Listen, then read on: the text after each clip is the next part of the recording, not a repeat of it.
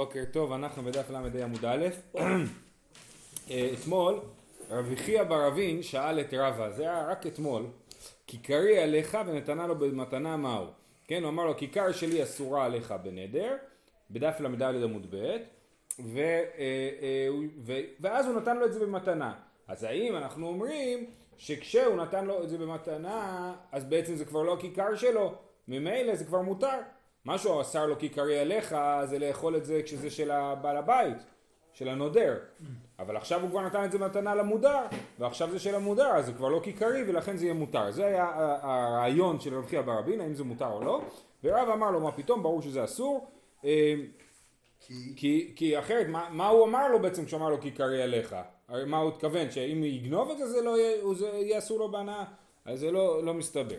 עכשיו אנחנו בדף ל"ה עמוד א', A טבעי. אז רב חייא בר אבין הקשה לרבה על הטענה שלו שברור שכיכרי עליך אסור. אמר לו, כיכרי עליך ונתנה לו במתנה, אז רב אמר ברור שאסור, ועכשיו רב חייא בר אבין מקשה לו. הייתי אמר לו, השאילני פרתך, אמר לו, קונם פרה שאני קנוי לך. ככה לכאורה צריך לחזק את זה. קונם נכסי עליך אם יש לי פרה אלא זו. כן, אז בא יהודי, ראובן בא לשמעון, אומר לו, תשאי לי פרה, בדיוק נגמר לי הפרות, תשאי לי פרה. אז אמר לו, קונם פרה שאני קנוי לך, אה, אני נודר, הפרה שקנויה לי, נדר עליך. בקיצור, לא משאיר לך ואסור עליך בנדר. נכסי עליך אם יש לי... כן, כבר נחמד. נכסי עליך אם יש לי פרה אלא זו. או לחלופין, הוא נודר, הוא אומר, אם, הוא אומר לו, מה, יש לי רק פרה אחת. נכסי אליך אם יש לי פרה אלא זו, כן? אם יש לי עוד פרה, אה, אז... אה, כל הנכסים שלי יהיו שלך. לא, אני חושב שהוא אומר לו, אה, הנכסים שלי אסורים עליך, כיוון שאין לי פרה אלא זו. ככה אני מבין. או אותו דבר, שאילני קרדומך, אמר לו קונם קרדום שיש לי, שאני, שאני קנוי, נכסי עליי אם יש לי קרדום אלא זה. אתם רואים, פה הוא אומר נכסי עליי, זה יותר הגיוני. כן, הוא היה אומר, אם, גם מקודם, אם הוא היה אומר נכסי עליי אם יש לי פרה אלא זו, זה נדר יותר גוני. הוא אומר, אם יש לי עוד פרה, אסור לי ליהנות מהנכסים שלי. נכון? ככה הוא אומר. כאילו זה דרך להבטיח לו שאין לי עוד פרה. אז גם פה על הקרדום, נכסי עליי אם יש לי קרדום אלא זה. בכל אופן מה קרה? ונמצא שיש לו, בחייו אסור. מת או שנתנה לו במתנה, הרי זה מותר. אם האדם הנודר מת, או שנתנה לו במתנה, וזה מה שמעניין אותנו, הוא אמר קונם פרה שאני קנוי לך, נכון? ואז הוא נתן לו אותה במתנה, אז מותר. למה? כי הוא אמר קונם פרה שאני קנוי, ברגע שהוא נתן לו אותה במתנה זה כבר לא פרה שאני קנוי, אז לכן זה יהיה מותר. זה בדיוק אותה סברה של כיכרי עליך. אז זו הקושייה של רב חייא בר אבין על רבא. אמר רבא חבר דרביקה שניתנה לו על ידי אחר. לא, הפשט פה זה לא שאמרנו שראובן אמר לשמעון שאסור לו ליהנות מהפרה. ואז לא, זה לא שראובן נתן לשמעון את הפרה במתנה, זה נורא בעייתי. אבל ראובן נתן ללוי את הפרה, ואחר כך לוי נתן לשמעון את הפרה. אז זה בסדר, כי זה לא ש... הוא לא יכול לתת לו במתנת הפרה, הוא הדיר אותו מן הפרה. כן? ולכן זה לא דומה למקרה של רב. ולכן כיכרי עליך, כן. וגם, וגם בכיכרי עליך, אם את הכיכר הזאת הוא ייתן למישהו אחר, לגורם שלישי, והגורם השלישי ייתן למודר, זה גם יהיה בסדר. אה, אמר רב אחא בן רביגה שניתנה לו על ידי אחר, אמר רב אשי די קנמי דקתני שניתנה לו ולא קטני שנתנה לו, כן? צריך לשנות בברייתא שניתנה לו. אתם רואים לנו אין ניקוד, הרי להם הם, הם אמרו את הכל בעל פה. נכון? כשאומרים קטני, הכוונה היא משהו שונה, לא משהו כתוב, כן? אני רגיל לתרגם קטני כתוב, אבל זה באמת התרגום המדויק הוא שונה. אז הוא אומר, די קנמי ששונים שניתנה לו ולא, ולא קטני שנתנה לו. צריך לשנות בברייתא שניתנה לו. אם, אם זה היה מדבר שראובן נתן לשמעון את הפרה, אז הוא אומר שנתנה לו. אבל הכוונה היא שניתנה הפרה לשמעון על ידי מי נתלה? על ידי מישהו שלא מוזכר בברייתא, על ידי לוי. ולכן אה, אה, ככה זה מותר. ו, אה, אבל כיכרי עליך אין פה הוכחה שכיכרי עליך מותר ורבא חושב שזה אסור וכך פוסקים להלכה. שאלה הבאה, באה מיני רבא מרב נחמן, יש מעילה בקנמות או לא? וזו שאלה מאוד מעניינת. אנחנו אומרים שכשאדם עושה נדר, הוא מדפיס את הדבר בקדושה של קורבן, נכון? הוא אומר הדבר הזה יהיה עליך כמו קורבן, כן? או יהיה על כל העולם כמו קורבן. אז זה, אה, עכשיו, אה, אם זה כמו קורבן אז זה הקדש. אז אם מישהו נהנה מהנדר, אז אולי זאת מעילה, כי זה הדין של מי שנהנה מההקדש. אז האם באמת כשאני עושה נדר, אני הופך את הדבר לגמרי להקדש ברמה כזאת, עכשיו זה לא הקדש, זאת אומרת זה לא הקדש, זה לא מגיע לבית המקדש, אבל האם זה הופך להיות הקדש ברמה כזאת שמי שעובר על הנדר יש בו דין של מעילה, כן? אבל מישהו אחר לא יודע שזה הקדש. בסדר, זאת בעיה תמיד בהקדש. אבל אני נודר, אני, אני יכול לעשות, יש, יש נדר כללי, העולם. אז זהו, יש נדר כללי ונדר פרטי, נכון? יש נדר כללי שאני אומר, הדבר הזה אסור על כל העולם, כמו קורבן, או שאני עושה נדר פרטי, עליי אסור, עליך אסור, עליו אסור, כן? השאלה פה היא שאלה כללית, האם יש מעילה בקונמות או לא. יכול להיות שבתשובה אנחנו נגלה שיש הבדל בין נדר כללי לנדר פרטי. אה, אז בא מן רב אמר רב נחמן, יש מעילה בקונמות או לא? אמר לי, תן איתוע. מקום שנותנים עליה שכר, תיפול הנאה להקדש. למימרא כי הקדש. מה הקדש ויש בו מעילה? אף קונמות יש בהן מעילה. אז במשנה אמרנו, קונמות זה נדרים. אה, במשנה אמרנו ש, שאם אדם אה, אה, מחזיר אבדה לחברו במקום שנותנים עליה שכר, אז הוא לא יכול ליהנות מזה שהוא לא משלם, ולכן הוא צריך להביא את הכסף להקדש. למה להקדש? היו יכולים להגיד לו שיביא את זה לצדקה, היו יכולים להגיד לו מה שאומרים נגיד באיסורי הנאה, שיוליך הנאה לים המלח, כן? לזרוק את המטבעות לים. למה דווקא להקדש? בשביל להגיד לנו, כאילו המשנה רומזת ש, שמעילה, שקונמות, נדרים הם כמו הקדש.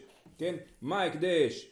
אה, כן, אז זה מה שהוא עונה לו, תניתוע, רב נחמן עונה לרבה, מקום שנותנים עליה שכר תיפול הנאה להקדש. למימרא כי הקדש, על מנת לומר לנו שנדרים הם כמו הקדש, מה הקדש? יש בו מעילה, אף קונמות יש בהן מעילה. עכשיו מה זה אומר שיש בו מעילה? יש בדין מעילה, לכאורה במעילה א', אה, אה, כשמחזירים צריך להחזיר קרן וחומש, כן? אם, אם אני נהניתי מההקדש, אני צריך לשלם להקדש קרן וחומש. גם במעילה, וגם יש קורבן מעילה, כן? אז השאלה אם יש דין מעילה. אז, אז, אה, אז זה ההוכחה של רב נחמן מהמשנה שלנו. אומרת הגמרא כתנאי, באמת יש בדבר הזה מחלוקת תנאים. קונם כיכר זו הקדש, ואכלה בין הוא ובין חברו מעל. לפיכך יש לה פדיון.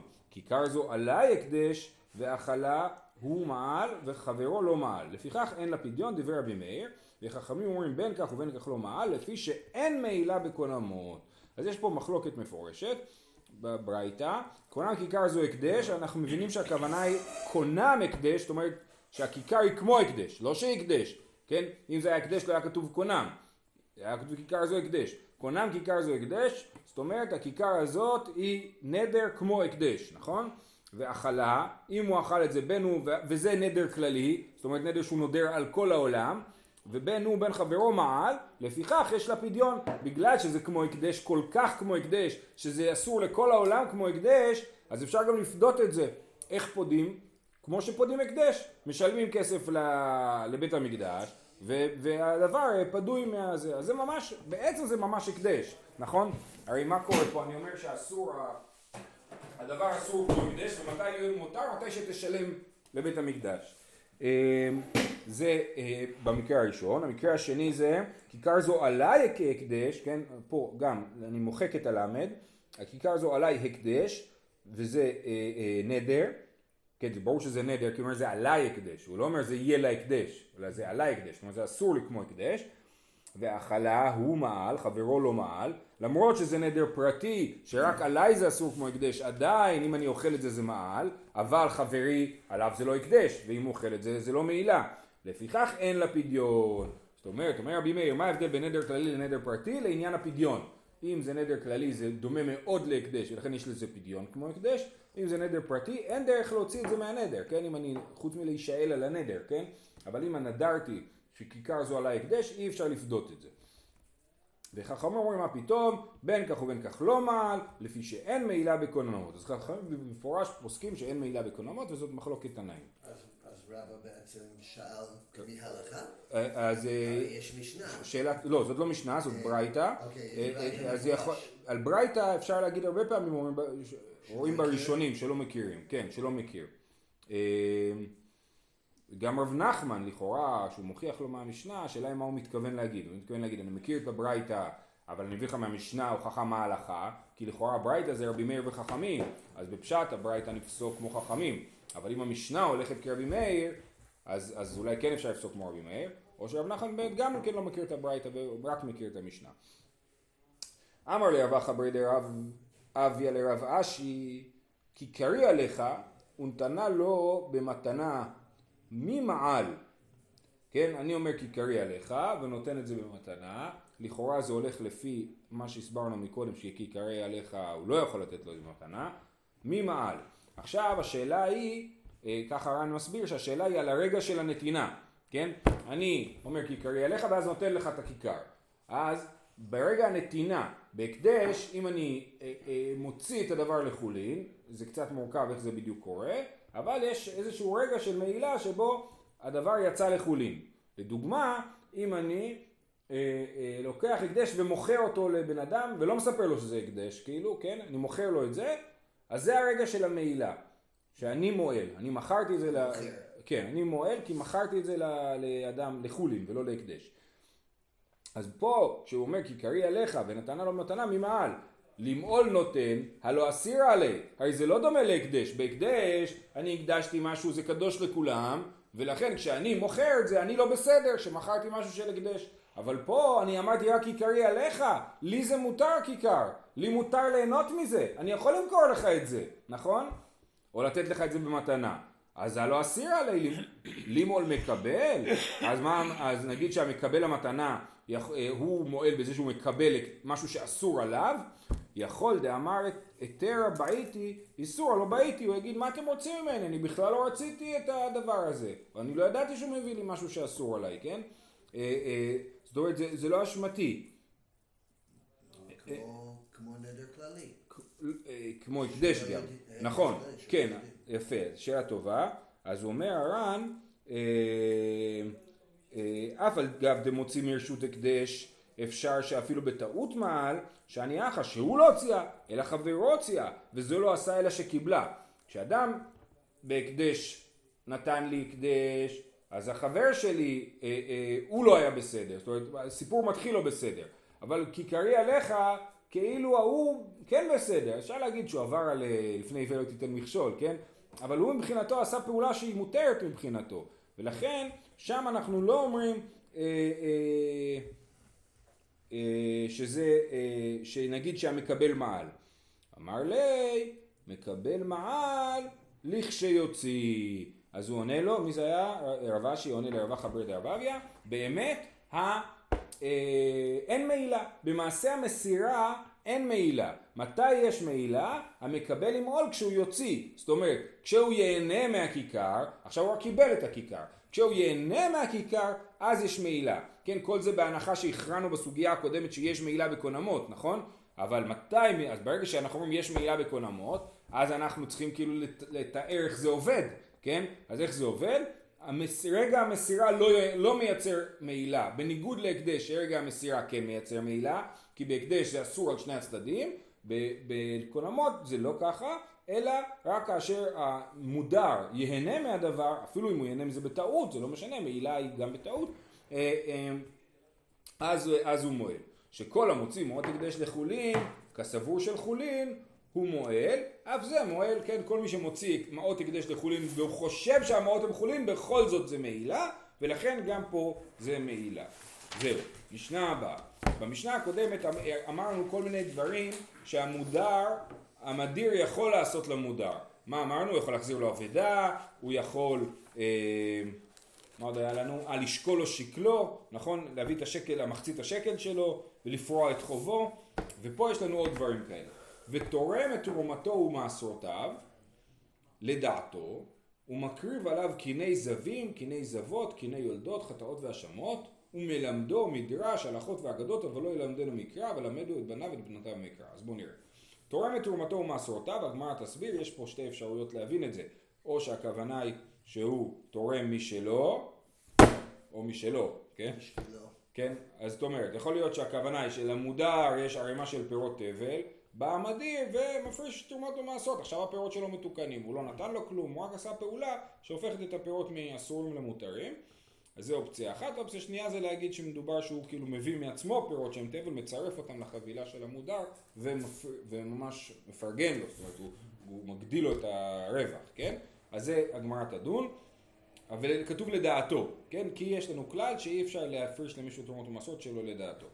אבל זה ברור שהוא עוזר לו בזה. נכון, שוב, אבל אנחנו אה, אה, אה, טוענים שההנאה צריכה להיות הנאה ממשית, כאילו.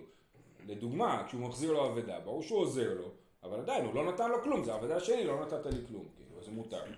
אה, מקריב עליו, מדובר שהכהן מדיר מישהו, זאת אומרת אסור לפלוני ליהנות מהכהן הזה. כן, כהן עצבני, יש, יש כהנים עצבנים, שמעת על זה מירו? הכהן עצמו הדיר את ה... הכהן עצמו הדיר את המודר, כן, או הפוך, או שהמודע, או שמישהו הדיר את עצמו מהכהן, זה לא משנה, כן? בכל אופן, אז אסור לו ליהנות מהכהן, בכל זאת הכהן יכול להקריב בשבילו קורבנות. איזה קורבנות הוא כתוב פה? מצוות לאו ליהנות. מצוות לאו ליהנות מתור. עוד מעט אנחנו נראה את זה. הוא אומר קיני זבין, קיני זבות, קיני יולדות. מה, מה הקורבן, בואו נראה את הרשימה שמפורטת פה. קיני זבין, קיני זבות, אדם שהוא זב, אישה שהיא זבה, כשהם מסיימים את תהליך הטהרה, הם צריכים להביא לבית המקדש קורבן. איזה קורבן? לא? כן, נכון. מה זה כן? חטאת ועולת העוף. שני ציפורים, או תורים או בני יונה, שאחד מהם חטאת והשני עולה. זה נקרא אה, אה, חטאת ועולת העוף.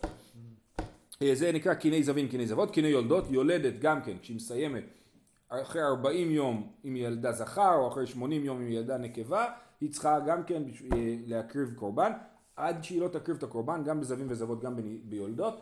הם טהורים, אבל הם נחשבים למחוסרי כפרה, זה אומר שהם טהורים, מותר להם להיכנס למקדש, מותר להם לאכול תרומה, אסור להם לאכול קודש, אסור להם לאכול קורבן, עד שהם לא יקריבו את הקן שלהם, הם לא יכולים להקריב קורבנות, אה, לאכול קורבנות. אה, חטאות והאשמות, גם כן, הכהן יכול להקריב על המודר חטאות והאשמות, וגם יהודי אחד הדיר את השני, עדיין מותר לו ללמד אותו מדרש הלכות ואגדות, אבל לא ילמדנו מקרא. למה? מה ההבדל בין מקרא להלכות אגדות ומדרש?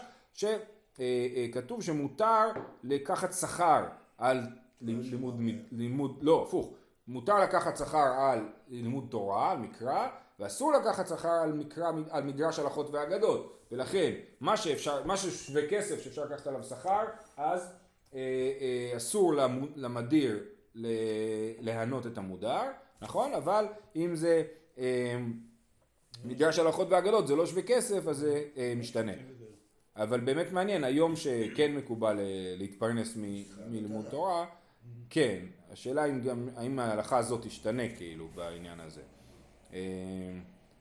אוקיי, אבל מלמד הוא את בניו ואת בנותיו מקרא. למרות שאני הדרתי את פלוני, אני יכול ללמד את הילדים שלו. למרות שלכאורה יש לו תועלת כלכלית בזה, אחרת הוא היה צריך לשלם למישהו שיעשה את זה, עדיין מותר כי הגמרא תסביר. אומרת, הבנות היו לומדות תורה כבר? חס שלום, חס שלום. כתוב פה בנותיו מקרא, לא יודע.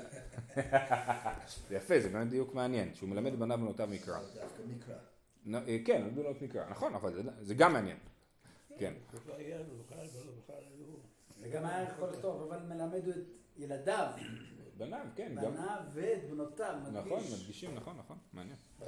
איבא אלוהו, אני, אני אדבר עם אמא שלך. איבא אלוהו, אני כהני. שלוחי דידנב או שלוחי דשמיא? יש פה שאלה כללית, לא קשורה למשנה. האם הכהנים הם שלוחים שלנו או שלוחים של השמיים? זאת אומרת, האם כשאני בא לכהן ואומר לו תקריב לי קורבן, הוא עכשיו שליח שלי להקריב קורבן, או שהוא שליח של הקדוש ברוך הוא להקריב את הקורבן הזה? זאת השאלה. לא- לא. נכון, נכון, נכון. אומרת הגמרא, למאי נפקא מינה, מה אכפת לי, של מי הוא שליח? למודר ענה, היא אמרת שלוחי דידן אבו, המהנה לי, ואסור, והיא אמרת שלוחי דשמיא, שהרי אם הכהן הוא שליח שלי, אז הוא לא יכול להקריב בשבילי קורבנות, כי הוא, אני נהנה מזה שהוא השליח שלי להקריב קורבנות, אבל אם השל, הוא השליח של הקדוש ברוך הוא, אז זה לא רלוונטי בכלל, אני מביא לו את זה, והוא עושה את שליחותו של הקדוש ברוך הוא ומקריב את הקורבן הזה. מאי? תשמע דתנן, הנה המשנה שלנו, מקריב עליו קיני זבין וכולי. היא אמרת שלוחי דידן כמהני לי. אז באמת לכאורה מוכח מהמשנה שלנו שהכהנים הם שלוחי דשמיא ולא שלוחי דידן. אומרת הגמרא, לא נכון, ותמך, ליטני מקריב עליו קורבנות, אלא מחוסרי כפרה שאני. המשנה שלנו פירטה איזה קורבנות הוא יכול להקריב לו. אם באמת הכהן הוא שליח של הקדוש ברוך הוא, אז לכאורה הוא יכול להקריב את כל הקורבנות על המודר. אבל המשנה נתנה רשימה ספציפית של קורבנות. למה? זה מה הרשימה הזאת? כל הרשימה הזאת זה נקרא מחוסרי כפרה, כן? וטען החליט נמקרב על הקורבנות. אלה מחוסרי כפרה, שאני, זה קורבנות שהם כפרה על האדם שהקריבו עליו. ואמר רבי יוחנן, הכל צריכים דעת חוץ ממחוסרי כפרה, שהרי אדם מביא קורבן על בניו ועל בנותיו הקטנים, שנאמר, זאת תורת הזהב, בין גדול בין קטן. אומר רבי יוחנן, אני רואה מהתורה שיש בעיקרון מציאות של זב קטן, כן? אז אם יש מציאות של זב קטן, אז סימן שצריך להקריב עליו גם קורבן. אז איך זה יכול להיות שאני אקריב קורבן על קטן, הרי הוא צריך לשלוח אותי, ולקטן אין דעת לשלוח אותי, כן? אז, איך קטן יכול להתחייב? אז הנה, הוא יכול להיות טמא, נכון? הוא טמא, הזב הוא טמא. הוא לא, לא מתחייב בכלום, אבל הוא טמא. עכשיו הוא סיים את התהליך, הוא נטהר, עכשיו הוא צריך להקריב קורבן אם הוא רוצה לאכול, עכשיו הוא ירצה לאכול קורבן פסח נגיד, כן? אז אני צריך להקריב עליו קורבן שלא יהיה מחוסר כפרה. אז, אז אה, איך עושים את זה? הנה, מוכח שלא צריך דעת, כי אם היה צריך דעת, אז הקטן הזה היה תקוע לנצח כאילו, כן? אז הוא אומר, דאמר רבי יוחנן, הכל צריכים דעת חוץ מחוסרי כפרה, שהרי אדם מביא קורבן על בניו ועל בנותיו הקטנים, שנאמר זאת תורת הזב בין גדול בין קטן. שואלת הגמרא אם אתה דורש ככה זאת תורת הזהב, אלא מעתה לרבי יוחנן זאת תורת היולדת בין קטנה בין גדולה? מה תגיד גם בזאת תורת הילדת שזה בא לרבות יולדת קטנה אבל לא יכול להיות יולדת קטנה קטנה בת לידה היא ואת אני רב ביבי ולמדנו את זה כמי די רב נחמן שלוש נשים משמשות במוח קטנה מעוברת ומניקה. קטנה שמא תתעבר ותמות. כן אז אמרנו שלהשתמש במוח זה כמו להשתמש באמצעי מניעה. יש שלוש שנים נשים שצריכות להשתמש באמצעי מניעה כאשר מקיימות יחסים. קטנה מעוברת ומניקה. אנחנו לא פוסקים ככה להלכה כן? אבל אה, אה, אה, בכל אופן מוכח מהברייתא הזאת שקטנה למה היא צריכה להשתמש במוח? בגלל שמא תתעבר ותמות. ההנחה היא... איך להיכנס למצב הזה? ש- זאת שאלה, היא צריכה להתחתן, זה סיפור אחר. קטנה ש... כן. שזה מסוכן. קטנה זה מתח- מתחת ל-12. כן, מתחת גיל 12. אה, אה, אז אומרים לא זה לא מסוכן, אפשר להשתמש במוח, כאילו, יש את הפתרון לסכנה הזאת, כאילו, ויש לנו אינטרס, לא לנו, היה אינטרס בתקופות מסוימות שכן התחתנו בגיל צעיר, במיוחד אם אין לה משפחה, כאילו, אז זה הדרך לדאוג לה, כאילו. אה, אז אומרת הגמרא, אז, אז ממילא לא יכול להיות יולדת קטנה, למה? או שהיא שימשה במוח, או שהיא מתה, כתוב שמא תתעבר ותמות, אז לא יכול להיות יולדת קטנה, אז איך תדרוש את הפסוק זאת תורת היולדת? הרי בזאת תורת הזב אמרת בן קטן בן גדול, מה תגיד בזאת תורת היולדת? תשובה, ההיא זאת תורת היולדת בן פיקחת בן שוטה. שכן אדם מביא קורבן על אשתו שוטה, אם לאדם יש אישה שוטה, היא יכולה להיות שוטה מלפני החתונה, יותר סביר שהיא שוטה מאחרי החתונה, כן? אה, יכולה קידושין עם... אז זהו, זה, זה סיפור, למדנו את זה קצת ביבמות, אה, זה היה מזמן כבר, מי זוכר, אבל, אה, אה, אה, אז נגיד אדם היה נשוי לאישה ואז היא השתתתה, עכשיו היא ילדה, אז הוא יכול להביא קורבן על אשתו השוטה, אבל זה בדיוק אותו עיקרון, שלא צריך דעת בדבר הזה.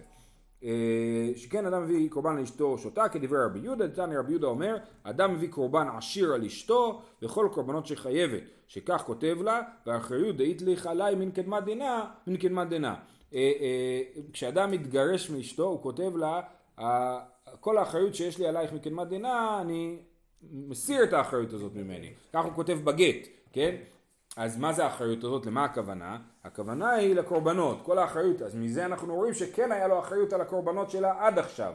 ולכן אנחנו רואים שאדם מביא קורבן על אשתו שותה, וכדברי רבי יהודה שחושב שאחריות הקורבנות הם על הבעל, אה, וממילא לענייננו מה אנחנו מסכמים לא פה?